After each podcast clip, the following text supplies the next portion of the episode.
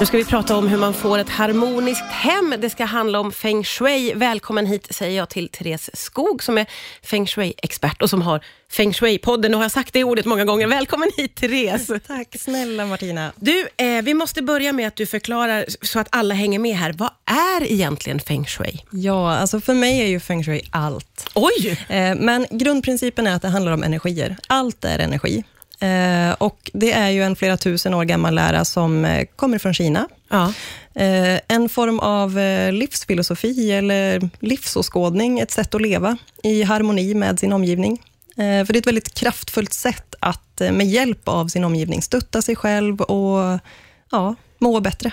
För, för många av oss så har det ju liksom bara med inredning att göra, men då förstår vi ju direkt att det är otroligt mycket större och att det Ja. här är någonting som man har kunnat applicera då på sitt hem helt enkelt. Precis. Och man kan kalla feng shui för en konstform, the art of placement, alltså konsten att möblera.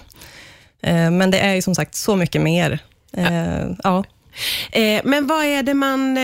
Vad, vad, vad vinner jag på då? Att försöka organisera mitt hem efter feng shui?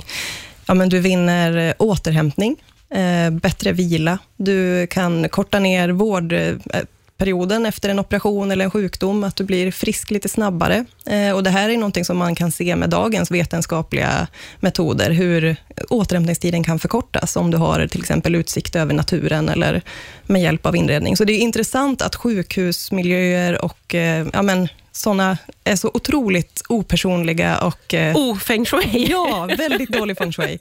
Så att, eh, det går att göra otroligt mycket för att må bättre. Och du kan uppnå dina drömmar. Alltså det här, det, nu är det så mycket spännande information som kommer och så vill man liksom få med allt. Eh, om jag inte har eh, haft koll på det här innan, men vill försöka implementera det i mitt hem, vilket är det första steget jag tar? Eh, Jag skulle säga att eh, läsa en bok. Eh, Till exempel Feng Shui Flow, som är skriven av Susanna Utbult och Jenny Jonsson. Den är enkel, den förklarar feng shuins grundprinciper och bra, fina bilder. Eh, Börja där, eller lyssna på min podd. Ja, ja precis. precis. Och vad är det, Finns det liksom generella tips på hur man ska tänka där hemma?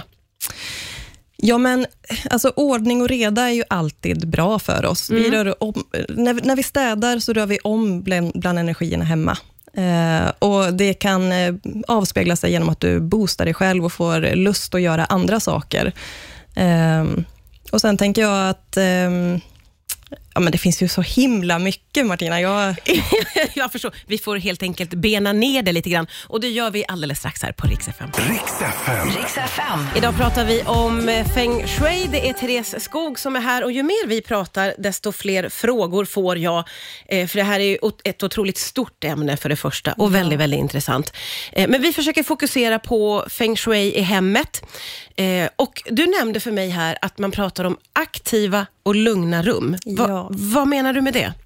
Men lugna rum kallas för yin-rum. Om man tänker yin och yang, så är yin den svarta delen av märket som är, står för lugnet och det mörka. Och, eh, och Det kan vara till exempel sovrum och badrum. Eh, rum där vi vill komma ner i varv, där vi vill känna oss lite hållna och lugna. Eh, där ska man vara lite försiktig med mycket färger och vassa hörn, vassa blommor, kaktusar och sånt där som eh, skickar ut vass energi. Ja, ja, ja, okej. Eh, Ska man tänka mer runt? Ja, mer runt, mer mjukt. Textilier, lugna färger. Eh, vi vill kliva in på badrummet och ta av oss kläderna och känna att det är ingenting som sticker oss eller gör oss illa, utan vi vill vara lugna och trygga där Ja, och vi vill det. kunna sova gott. Ja. Medan aktiva rum, det kan ju vara hallen, vardagsrum, kök, rum där vi vill vara sociala och vill ha energi. Mm. Eh, Vad ska man tänka på då, då om man vill ha energi i rummet? Ja, men där kan man ju dra på mer. Mycket växter, du kan använda mycket färg, alltså orange och rött och sånt där som kanske man ska vara lite försiktig med i ett sovrum, Ja, ja, när man vill vara lugn. Ja. För rött är ju, där kan man ju mäta, till, till exempel vår puls går ju upp om vi har mycket rött omkring oss. Eh, och Då kan det vara svårt att komma ner i varv och sova om du har mycket rött. Men i ett vardagsrum eller ett kök, kör på. Och jag förstår ju på dig att växter är viktiga. Ja, växter är superviktiga. På vilket sätt då? Ja, men de renar syre, de höjer energin. Eh, NASA använder växter både på sina rymdstationer, och, så att det är otroligt viktigt för oss. Och Jag menar, utan syre och utan natur så skulle inte vi finnas. Och så förstår man ju också då att eh, färg, som du nämnde, men också form spelar stor roll. Ja. Eh, gäller det också växter? Ja. Så att har du en kaktus eller en suckulent som, som har ja, men vassa taggar, det blir en mycket mer aktiv och vass energi av en sån, än om du har en, ja, säg en stor ehm, eh, fikus, fiolfikus, eller vad Ja. heter de, med stora runda blad, så är det en helt annan energi mot när du har en med många små vassa blad eller så. Så, så man ska tänka, eh, vissa former passar i vissa rum då, så att säga. Ja, Och, och Det gäller även färger och, och växter och allting. Och där kan man utgå ifrån aktiva och lugna rum. precis. Inledningsvis så sa du att man kan uppnå sina drömmar med hjälp av feng shui. Ja. Vad menar du med det? Jag förespråkar ju att man ska använda sitt hem som en form av levande vision board. Att, att eh, använda dig av personliga symboler, tavlor och sånt som inspirerar dig. Låt hemmet ligga steget före.